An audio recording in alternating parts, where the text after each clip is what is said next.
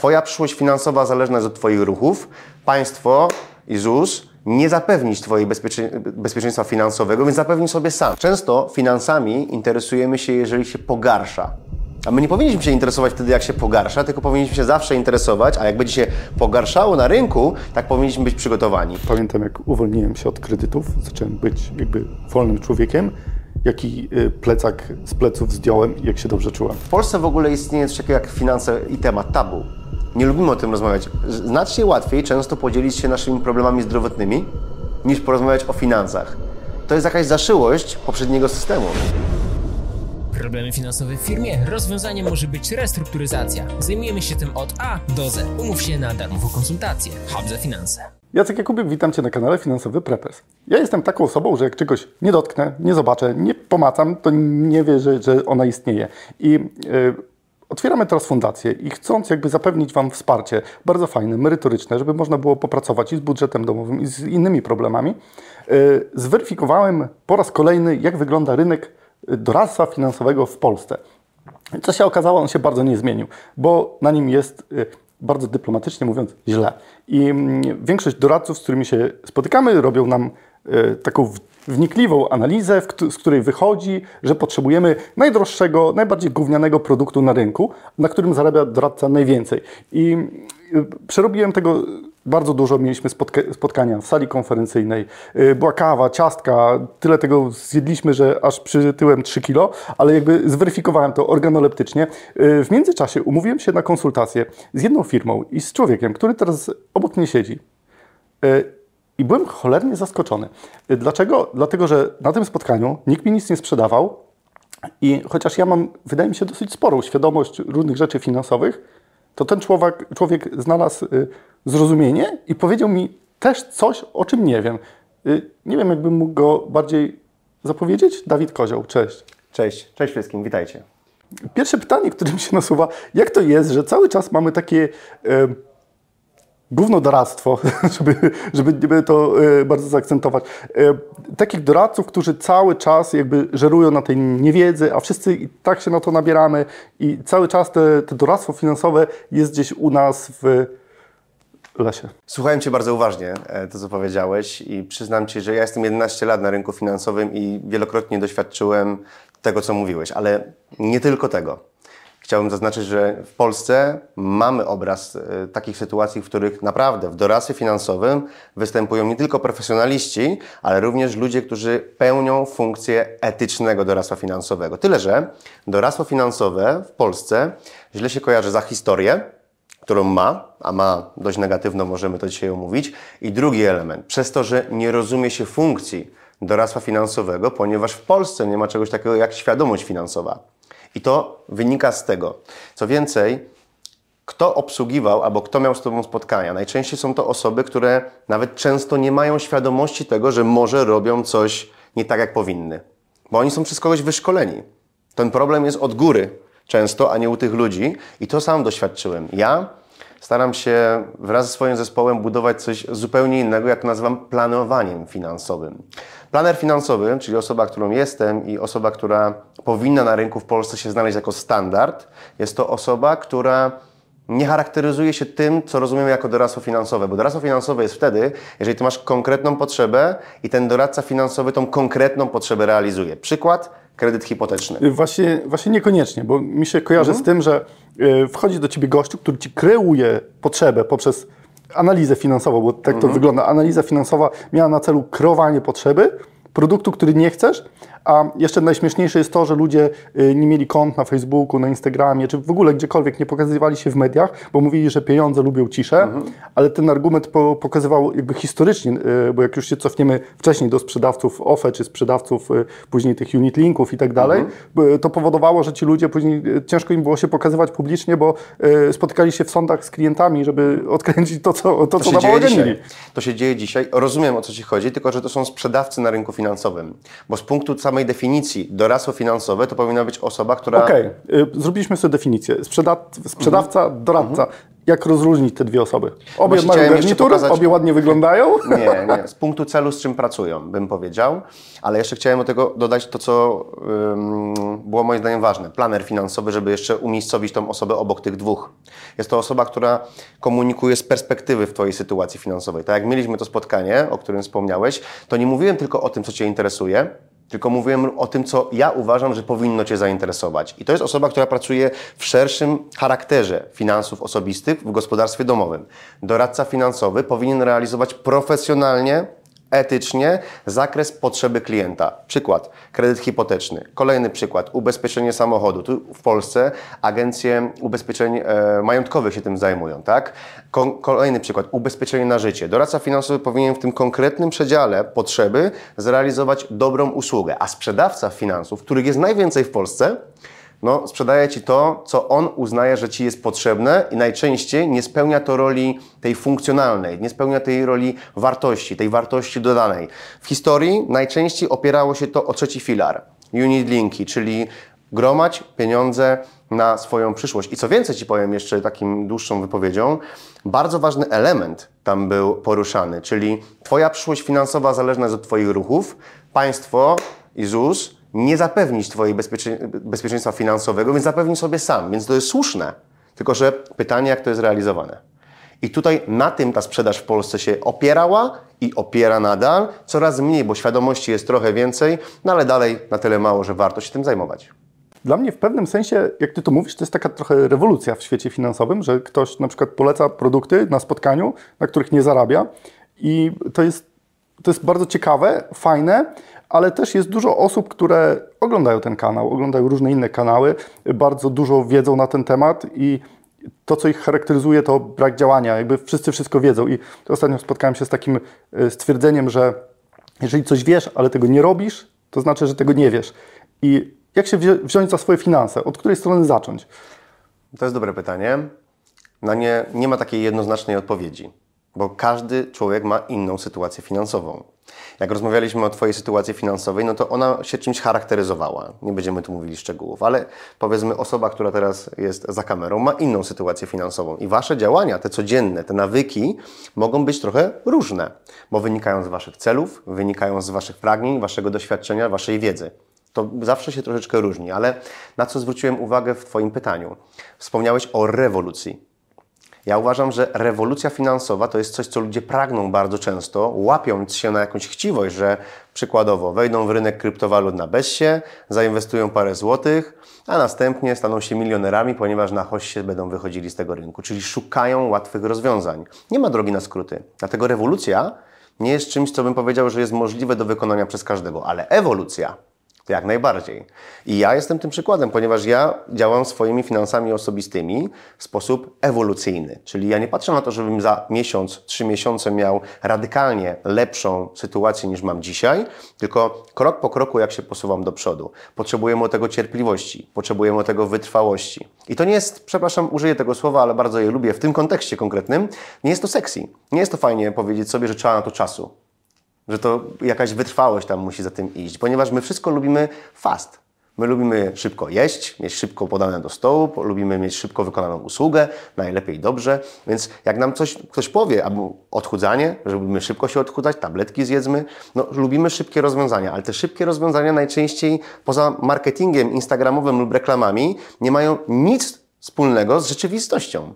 I teraz trzeba sobie zdać sprawę, że w finansach jest tak samo.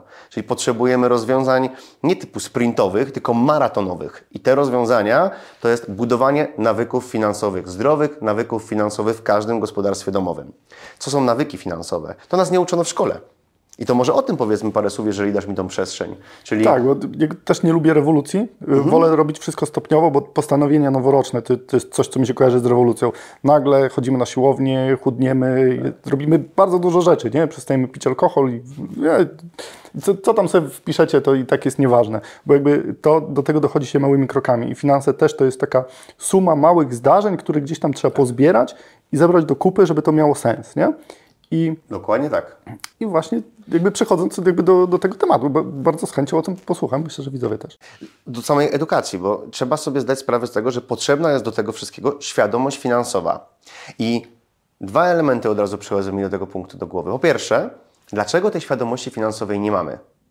Bo może tak, dlaczego my jej nie mamy? Bo kto ma korzyść z tego, żebyś ty był świadomy finansowo? No ty. Twoje otoczenie najbliższe. Ale podmioty, organizacje, inne osoby, które mają z Twojej kieszeni wyciągnąć Twoje pieniądze, albo bardziej zmotywować Cię do pracy, albo spowodować, żebyś był bardziej uzależniony od systemu, nie mają żadnej motywacji, żebyś Ty był świadomy finansowo. Ani korporacje, które mają za cel sprzedawać Ci konkretne następne produkty i usługi, ani rząd, który ma z Twojej kieszeni wyciągnąć kolejne podatki, nie ma żadnego interesu w tym, żebyś Ty był świadomy finansowo. Co więcej, miałem taką myśl, jak tu jechałem, jakby rzucić hasło, Ty jako przedsiębiorca mówisz, mam 10 tysięcy złotych na kolejne stanowisko pracy w mojej firmie. To jest mój budżet. A czy to są środki finansowe, które wylądują u pracownika na koncie? No nie, bo jeżeli damy sobie konkretne oskładkowanie, to ile z tego tam wyjdzie? No teraz mogę rzucić hasło, że mniej więcej 40%, 40 parę procent mniej z tej wartości. To ten człowiek widzi, ale często ludzie nie mają świadomości, dlaczego tak jest. Chcę powiedzieć, że nie ma interesu w tym, żeby od góry edukować finansowo. Żadnego interesu. Więc ten ruch może być tylko oddolny, czyli od nas samych. Dlatego to jest tak trudne. Dlatego to jest tak trudne, żeby wejść w tą drogę edukacyjną. I to jest jedna rzecz, która przyszła mi do głowy w kwestii świadomości finansowej. Druga, materiałów, nie tylko na YouTubie, ale na YouTubie dzisiaj jesteśmy i tutaj będzie to nagranie, jest mnóstwo odnośnie jak pracować z finansami, jak pracować z budżetem, jak pracować w inwestycjach. Dużo o inwestycjach się mówi, ponieważ znów się to wiąże z tym, co mówiłem wcześniej. Ta czyli, że chciwości. Tak, lampka chciwości i coś uzyskam szybko, fajnie, zarobię, tak? Szukamy tych szybkich, dużych procentów zwrotu, które są praktycznie rzecz biorąc nierealne, nie? Jakby z punktu tego, co funkcjonuje. Szukamy tej informacji. Tylko tej treści jest bardzo dużo, ale nie ma tego drugiego biegu, nie ma tej determinacji. Ludzie to oglądają często jak seriale. Puszczą sobie odcinek na finansowym prepersie, bardzo fajne materiały, świetnie, 2-3 dni o tym pomyślą, na czwartego, piątego dnia prawdopodobnie już zapomnieli, co było w tym odcinku. A za miesiąc? I tutaj właśnie chodzi o to, że często poza tym, że z góry nie ma tej świadomości i nie ma celu, to z drugiej strony my nawet jak mamy dostęp do tej informacji, bo informacji jest teraz mnóstwo, sam chat GPT, który daje nam przestrzeń, że możemy sobie wpisać dowolne hasło, jak się bogacić, jak oszczędzać, jak nie wydawać nadmiernie. On nam powie 8, 10, ile chcemy sposobów na to, żeby to zrobić. Czyli informacja jest. Czyli jest wiedza, powiedzmy w pewien sposób. Jakaś, może nie unikalna, ale jednak ogólna. To czego brakuje? No w mojej ocenie determinacji, określenia konkretnych celów i określenia tego, tej ważności w tym działaniu. I teraz to jest jak ze zdrowiem.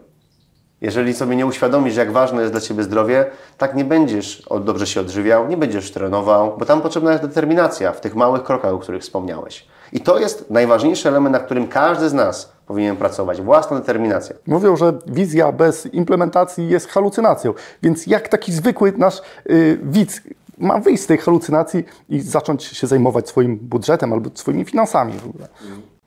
No, parę tipów ja rozumiem, tak? Czyli na co zwrócić uwagę. Znów zaznaczę, każdy ma inną sytuację, więc inaczej powinien podchodzić do swoich finansów w gospodarstwie domowym. Ale elementy, które dla mnie są ważne.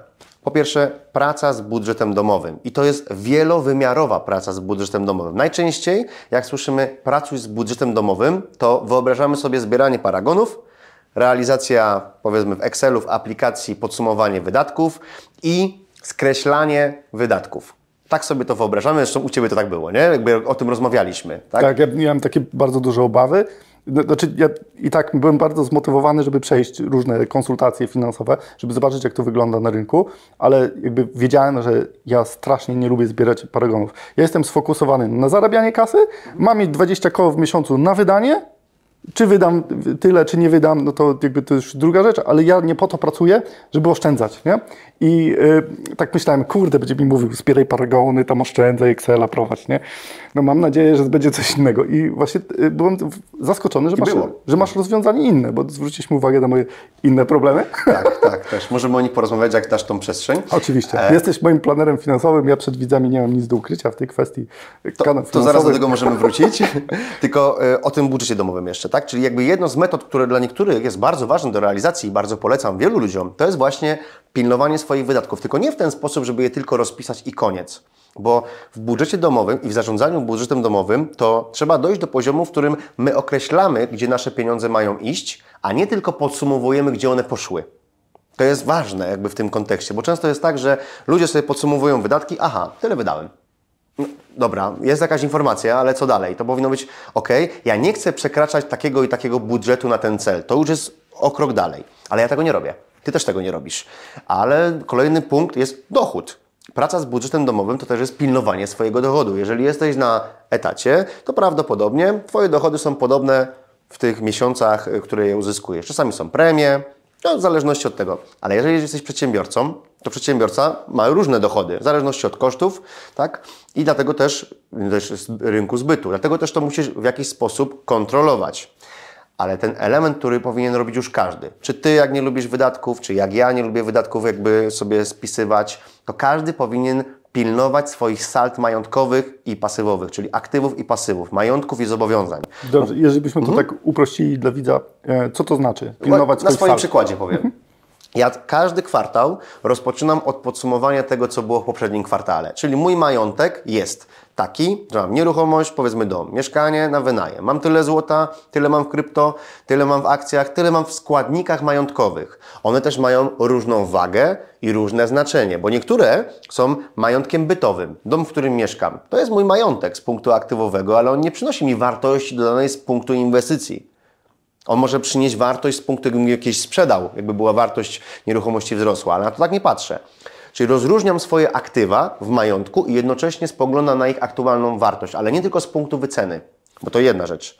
Druga, z punktu tego, ile nabudowałem w ciągu poprzedniego kwartału. Jeżeli mam założenie, że mam jakieś dochody, mniej więcej tyle, ty powiedziałeś, masz jakieś dochody, wydatki 20 tysięcy, jest jakiś bilans co miesiąc. I co się z tym bilansem, tą różnicą między dochody i wydatki dzieje? Ja przeznaczam na budowanie majątku tą różnicę. I teraz, jeżeli po tym kwartale nie wzrosło to o tyle, ile zamierzałem, to gdzieś mam problem. Prawdopodobnie w wydatkach. To wtedy ja mam obowiązek, i to jest moja, moje postanowienie, że wrócę na myśl kontroli wydatków. Ale przez to, że ja tego nie chcę robić, to ja pilnuję tego, żeby ten majątek urósł o tą wartość, ale nie z punktu, i chcę to jasno zaznaczyć, wyceny. Czyli miałem przykładowo akcje kupione za 1000 zł, teraz są warte 3000, to ja nabudowałem majątek o 2000. Nie, to rynek i wycena tych akcji wzrosła, ale pytanie, ile ja nabudowałem. To jest pilnowanie majątku, pilnowanie sald majątkowych. Drugie, pilnowanie sald zobowiązań. Mam również kredyt hipoteczny na stałej stopie 5,04. W tamtym roku zatrzymałem sobie e, właśnie stopę procentową. I teraz ja patrzę co kwartał, co się dzieje na rynku kredytowym mniej więcej. Jako, że jestem w finansach, no to może częściej to robię, ale każdy powinien na to spoglądać. Bo pytanie, czy nie jest warto zrobić refinansowanie, czy już teraz ten rynek kredytowy nie jest tańszy, czyli to się nazywa obsługa długów. I teraz zobowiązanie, powiedzmy, chcę nadpłacać co kwartał o 10 tysięcy złotych i sprawdzam, czy poza płatnością standardowej raty wykonałem to. I to jest podstawowa praca z majątkiem i z zobowiązaniami. I teraz nieważne, ile ty zarabiasz, nieważne jakie masz wydatki, czy to jest zarabiasz 3 tysiące i wydajesz 2,5, czy zarabiasz 50 i wydajesz 20, jest to zupełnie obojętne. Pilnowanie majątku i zobowiązań z punktu SALT, w mojej ocenie i z tego, co ja chcę przekazywać, powinien robić zupełnie każdy. Ja oczywiście będę drążył temat, który mnie najbardziej interesuje, czyli jak y, sobie podzielić ten majątek, bo to jest y, kluczowe. Też nie chcę wracać do tego budżetu domowego i to jest bardzo fajna motywacja, więc jak dzielimy majątek? Co mamy tu rozpisać sobie?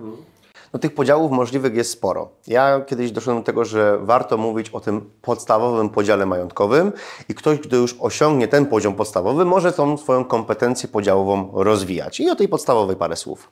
Uważam, że majątek prywatny powinniśmy dzielić na trzy podstawowe strefy. Strefa pierwsza rezerwa, druga majątek bytowy, trzecia majątek inwestycyjny. I teraz parę słów o każdej z nich. Rezerwa to jest to wszystko, co ma powodować, że jesteś przygotowany na coś albo zbierasz na coś. I tą rezerwę dzielimy na żelazną rezerwę oraz na oszczędności na. Żelazna rezerwa w mojej ocenie powinna być na poziomie między trzykrotnością a dwunastokrotnością Twoich miesięcznych wydatków czy wydatków gospodarstwa domowego. Powinna być szybko dostępna, łatwo w tym sposób zbywalna i w aktywach, w takich aktywach, które nie mają dużej różnicy na ewentualnej wycenie. Przykładem, no nie powinna być w kryptowalutach, tak? To w mojej ocenie. Może być oparta o różne waluty fiatowe w tym kontekście, jak dolar, frank, polska złotówka, jeżeli chcemy mieć ekspozycję na ten rynek. Złoto też może być, ona jest troszeczkę wolniej zbywalna, ale jednak możliwe do podjęcia. Żelazna rezerwa to jest tak zwany nierusz.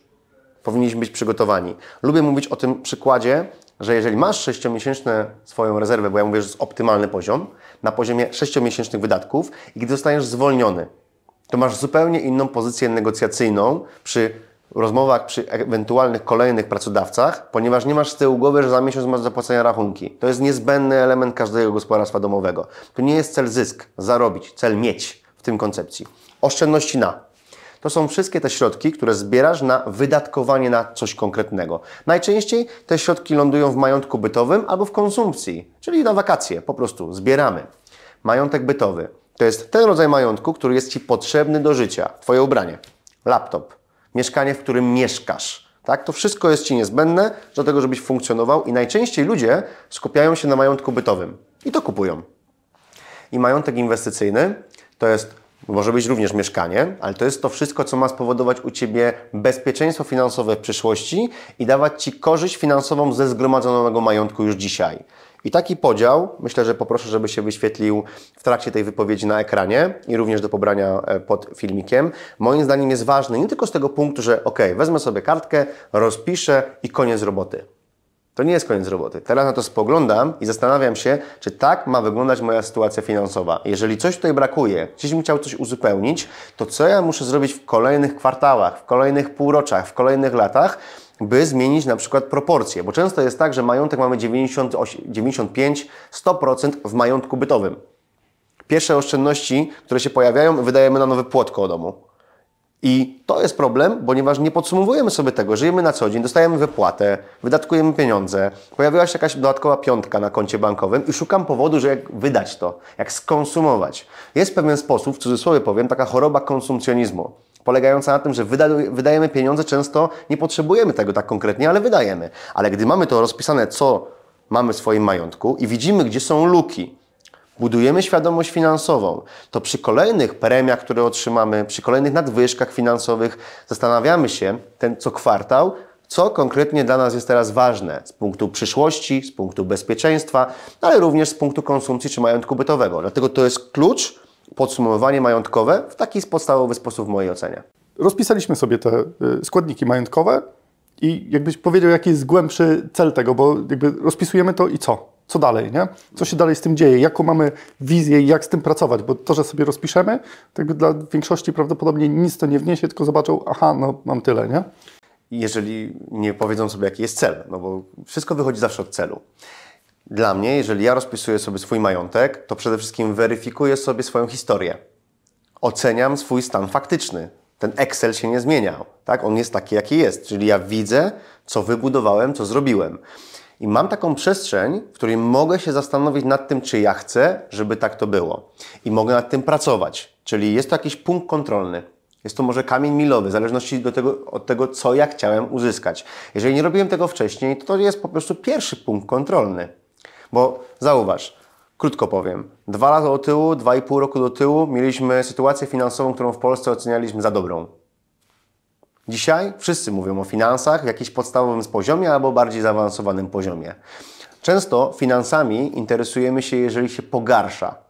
A my nie powinniśmy się interesować wtedy, jak się pogarsza, tylko powinniśmy się zawsze interesować, a jak będzie się pogarszało na rynku, tak powinniśmy być przygotowani. Po to powinniśmy kontrolować swoją sytuację finansową w gospodarstwie domowym. Bardzo fajnie, że o tym mówisz, bo ja mam taką wizję, jakby tworząc ten kanał, żeby każdy z nas był takim finansowym prepersem i przygotowywał się na te problemy, zamiast dopiero jak ma rękę wiadomo gdzie, to e, zaczął się zajmować finansami. I e, teraz zauważyłem taką prawidłowość, że każdy nauczył się słowa inflacja, bo jak noszę to na bluzie, bo dostałem od Kuby Mościckiego, nawet kasjerki w sklepie mówią, ale ma fajną, panu fajną bluzę. A wcześniej jakby to było jakieś dziwne słowo, które było jakby nie odnosiło się do rzeczywistości. Rzeczywiście tak jest i powiedz, jakie są problemy, które blokują tych ludzi, że oni boją się, nie wiem, nie chcą tego robić. Że nie, bo okay, mówiłeś o tym pierwszym kroku, ale żeby do czegoś dojść, zawsze się zaczyna od pierwszego kroku. I co nas blokuje? Czy mamy niezawiązane buty, czy tu chodzi o coś innego? Znaczy, ja Ci powiem tak. Po sobie zauważyłem za lata o tyłu, jak pracowałem nad jednym elementem zdrowotnym u siebie, że nie samo rozumienie problemu jest tym, co gwarantuje Ci sukces. Bo to, że rozumiemy problem, bo teraz to, co widać na rynku, że ludzie widzą, że jest jakiś problem, wyzwanie finansowe. Obrazują to inflacją, stopami procentowymi, które ma wpływ na raty kredytowe, no, różnymi elementami, spadkiem z, z waluty polskiej wedle innych walut, tak, no, różne elementy. Definiujemy problem ale nie mając podstaw w przeszłości, nie mając dobrych nawyków finansowych i nawet chcąc coś zmienić, to nie tyle, że się boją, mają, czują strach, tylko nie wiedzą, jak się za to zabrać. Nie mają z kim się skonsultować, nie mają z kim o tym porozmawiać. Na początku tej rozmowy mówiliśmy o tym, jak wygląda ten rynek finansowy, więc naturalnie, jeżeli masz zepsuty samochód, to gdzie idziesz? Do mechanika, Dokładnie. Jak cię boli ząb, to gdzie idziesz? do dentysty, dokładnie. A jeżeli chcesz rozmawiać o finansach? Do szwagra na imieninach. No i, Tak przeważnie to w Polsce wygląda. i- ale bo, bo do niego mamy zaufanie, Właśnie, prawda? Bo on czyli- nas nigdy nie oszukał. Właśnie, czyli już wiemy, że w finansach potrzebujemy element zaufania, żeby móc się otworzyć. W Polsce w ogóle istnieje coś takiego jak finanse i temat tabu. Nie lubimy o tym rozmawiać. Znacznie łatwiej często podzielić się naszymi problemami zdrowotnymi, niż porozmawiać o finansach. To jest jakaś zaszyłość poprzedniego systemu, tej kultury, która była w Polsce. Naturalne na Zachodzie i w Stanach Zjednoczonych jest o tym, to, że się komunikuje o finansach, bo to jest jedna z ważniejszych elementów życia gospodarstwa domowego. Dlaczego jest ważna? To sobie trzeba uświadomić. Jeżeli mamy pracować nad tym długofalowo, czyli mieć determinację, nie zwątpić swoje działania, rozumieć, że to jest jakaś droga, dłuższa droga, a nie sprint, nie fast świat, to musimy mieć świadomość tego, dlaczego dla nas to jest ważne. A dlaczego dla nas ważne są finanse? Ja Ci powiem, dlaczego są dla mnie ważne finanse. Tak podstawowo. Dlatego, że ja rozumiem, że otaczający mnie świat, ta woda, która tutaj jest, tak, ubrania, które mamy na, na sobie, kosztowały. Ale one co kosztowały? Kosztowały jakąś siłę nabywczą. Żeby coś uzyskać na rynku, dobro lub usługę, musimy mieć siłę nabywczą. A siła nabywcza zobrazowana w naszym świecie jest poprzez pieniądze, poprzez finanse. Najczęściej uzyskujemy te pieniądze z rynku z naszej pracy, a jeżeli z pracy, to z czasu. I dla mnie, ja mam świadomość, że jeżeli nie dbam o swoje finanse, to nie dbam o własny czas. A czas jest najważniejszym aktywem, który posiadam. I jeżeli mam to już zakorzenione w głowie, ja to wiem, pracuję nad tą myślą, tak nie złamie mnie ten brak determinacji. Nie złamie mnie ten brak tego, żeby nad tym pracować i wytrwać w swoich nawykach finansowych, ale standardowo, przez to, że nie ma tego wychowania wcześniej, przez to, że tak jak mówiłem, nie ma korzyści, by od góry te kompetencje dawać do społeczeństwa przez rząd, korporacje i tak dalej, różnego rodzaju organizacje, tak od dołu jest to potrzebne realizować. I tu kończąc moją myśl, która myślę już wszystkim da sens. Realizując swój problem zdrowotny, który był wieloletni i był na bardzo dużym poziomie, ale tym się dzisiaj tutaj nie będę dzielił, nie mogłem sobie z tym poradzić sam. Nie potrafiłem sobie z tym poradzić sam. Czy mogłem poradzić sobie z tym sam? Tak. Czy wtedy myślałem, że mogę poradzić sobie z tym sam? Tak. Ale efekt był taki, że nie wytrwałem w tym, ponieważ moja psycha, tak to powiem konkretnie, nie puszczała mnie do tej realizacji. I ja tam potrzebowałem trenera personalnego. Ja tam potrzebowałem osoby, z którą mogę podzielić się swoimi wątpliwościami, która odpowie mi na to, czego ja jeszcze nie widzę, gdzie mój horyzont nie sięga. Czyli mówiąc inaczej, w finansach osobistych potrzebujesz z kimś porozmawiać. Najczęściej, najlepiej byłoby, jakby to była najbardziej doświadczona od Ciebie osoba. Osoba, która idealnie, gdyby Ci podpowiedziała właściwe drzwi, przez które masz iść. A jak będziesz miał wątpliwości, jak będziesz chwytał tą klamkę, będzie umiała Ci odpowiedzieć na te wątpliwości. Jeżeli tak to nie będzie, będziesz z tym sam, jak ja byłem z tym realizacji zdrowotnej, tak masz mniejsze prawdopodobieństwo, by przejść przez te drzwi i realizować swoją strategię. Ale jeżeli jesteś z kimś, który Cię zmotywuje, zdeterminuje, takiego bata w cudzysłowie da Ci do Twojej realizacji, tak jak ja miałem z tą analizę i powiedziałem Ci, Jacek, ten element, przepraszam, powiem Ci to wprost, nie może tak wyglądać, ponieważ uważam, że jest to nierozsądne. Jest to z punktu bezpieczeństwa finansowego Twojego gospodarstwa domowego nierozsądne. A Ty mówisz, racja? Zmieńmy to. I teraz ja Cię zapytam o to powiedzmy za miesiąc ponownie. I zobaczymy, czy coś z tym zrobiłeś. Jeżeli nie, znów Ci to przypomnę. Za kwartał być może Ci ponownie to przypomnę, ale dzięki temu dojdziemy do punktu, że do, dokona się ta zmiana, nie tylko w słowach, ale również w czynach. I to jest ten klucz. Bardzo mocno we mnie trafiły te słowa, bo y, czekam na operację kręgosłupa i zawsze y, zgłaszałem się do swojego rehabilitanta wtedy, kiedy trzeba było mnie wyciągać y, z samochodu na, y, na rehabilitację, bo już nie dałem rady chodzić. I y, bardzo bym chciał, żeby ci ludzie, którzy nas oglądają, nie musieli się znaleźć w takiej sytuacji finansowej, że trzeba ich wyciągać za uszy, żeby zaczęli o tym rozmawiać wcześniej. I w zasadzie po to są planerzy finansowi, którzy jakby pracują nad tym budżetem i fajnie by było od czegoś zacząć. Jeżeli jeszcze ktoś może nie, nie czuje, że jest gotowy zapisanie się na, y, na konsultację, to od czego powinien zacząć takim we własnym zakresie, żeby spróbować coś zrobić samemu na samym początku. Zacząć oprócz tego, że myślimy, słuchamy, rozmawiamy o tych finansach, zacząć cokolwiek robić. Zacząć od tego małego kroku. Ten mały krok pierwszy u każdego, a jednocześnie krok, który należy powtarzać, to jest podsumowanie stanu faktycznego. Ja tak to nazywam, ale upraszczając. Bierzemy białą kartkę, do której zachęcam, żeby każdy tą białą kartkę teraz wziął przed siebie, czyli rodzina, żeby zabrała przed siebie tą kartkę i długopis.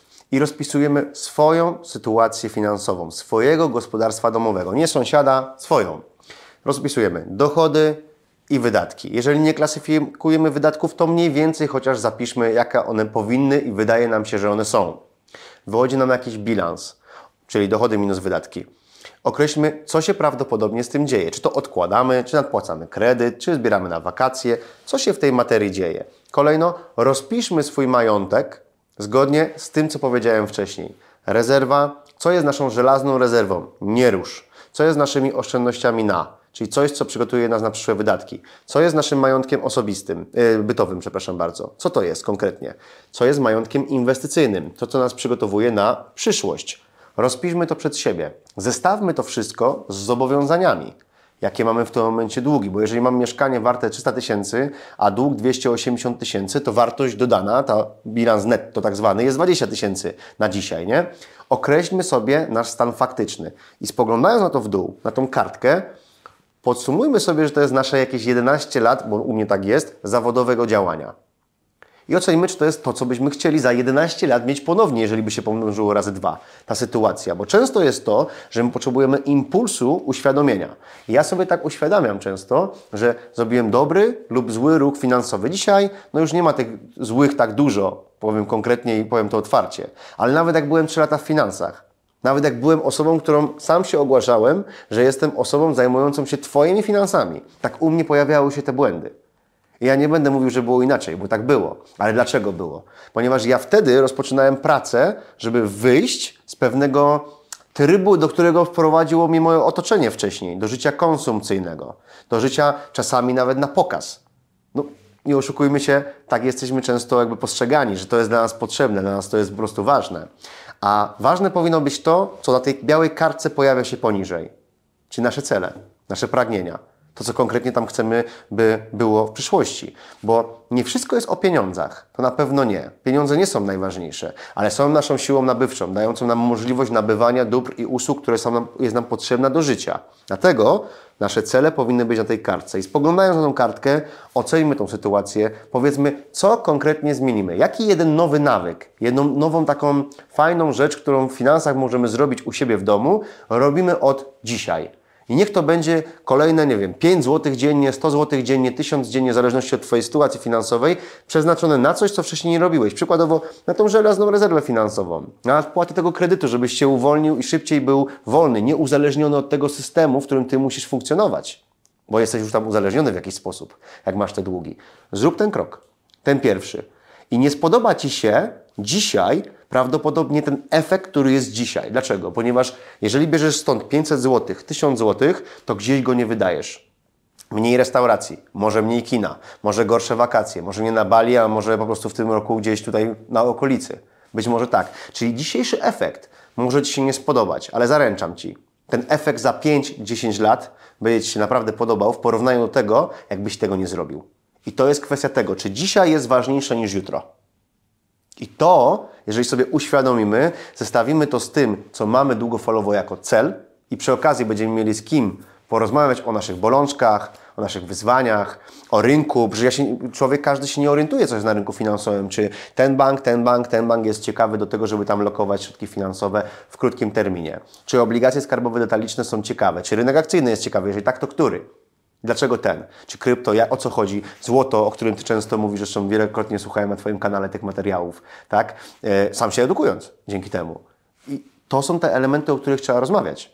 I tego brakuje. I planer finansowy, o którym tu dzisiaj rozmawiamy, uzupełnia tą lukę rozmowy, komunikacji, wskazania tego, na co warto spojrzeć na rynku i jednocześnie często upewnia Cię w Twojej decyzji. Bo jeżeli jesteś sam w decydowaniu i z tym szwagrem, o którym wspomniałeś, nie możesz porozmawiać, bo on nie ma doświadczenia, bo on jest mechanikiem, tam ci pomoże. Ale w finansach nie ma doświadczenia, on ma jakieś przeczucie. I nic więcej. Tak w tym momencie może ci podpowiedzieć, jak myśli, ale to nie, może, to nie musi być wcale stan faktyczny tego, co daje rynek. I ty potrzebujesz taką osobę, jak tego mechanika, jak tego dentystę, jak osoby od finansów. A w Polsce nie ma kultury na tą trzecią osobę. A to, co myślę, że już sam rozpocząłeś robić na swoim kanale, a ja będę kontynuował również, myślę, że tutaj będziemy tworzyli jako kulturę w Polsce. Czyli kulturę tego, że po prostu rozmawiajmy o finansach, nie ma tego tabu, komunikujmy się, żyjmy w, tym, w tej koncepcji. Wiesz, często takie porady szwagra to są, e, okej, po co myślisz o przyszłości, jesteśmy teraz, jutra może nie być i tak dalej, nie? Takie krótkowzroczne widze, wi- widzenie, a co, co się stanie, jak przeżyjesz te, do, do tego jutra przysłowiowego, prawda? I też e, trzeba też się zastanawiać, bo e, też w, w, zacząłem wdrażać w kanał taką ideę portfela pokoleniowego z myślą o dzieci, o sukcesji, o, o innych sprawach, które też są ważne, bo powinniśmy też zastanawiać się, co będzie dalej i Pamiętam, bo ja też miałem bardzo drastyczne błędy popełnione przez siebie w finansach, które mnie dużo nauczyły, ale pamiętam, jak uwolniłem się od kredytów, zacząłem być jakby wolnym człowiekiem, jaki y, plecak z pleców zdjąłem i jak się dobrze czułem. To y, polecam każdemu spróbować. No i na zakończenie odcinka mamy taką tradycję, że każdy z gości ma złotą myśl dla naszych finansowych preparsów. Kamera jest Twoja. Unikajcie pułapki bierności, która w mojej ocenie w wielu sytuacjach życia, nie tylko moich, ale ludzi, które mnie otaczają, powoduje to, że nie dążą tam, gdzie chcą, że nie realizują tego, co sami uznali za to, co chcieliby realizować. Nie bądźcie bierni, bądźcie aktywni. Jeżeli dotarliście do tego etapu materiału, to znaczy, że chcecie coś zmienić realnie w swoim życiu. I marzę o tym, żeby każdy z Was po tym odcinku zrobił ten pierwszy krok. Wziął kartkę, a najlepiej zamiast tej kartki od razu zapisał się do ekipy finansowo zależnych, do konsultacji z ekipą Dawida, żeby ktoś spojrzał na jego finanse z lotu ptaka. Jeżeli macie odwagę, tak jak ja to zrobiłem, to spróbujcie. Dajcie feedback w komentarzach, jak Wam się to udało i czekajcie na kolejne materiały, bo na pewno jeszcze coś nagramy. Dziękuję Wam bardzo za dziś. Cześć.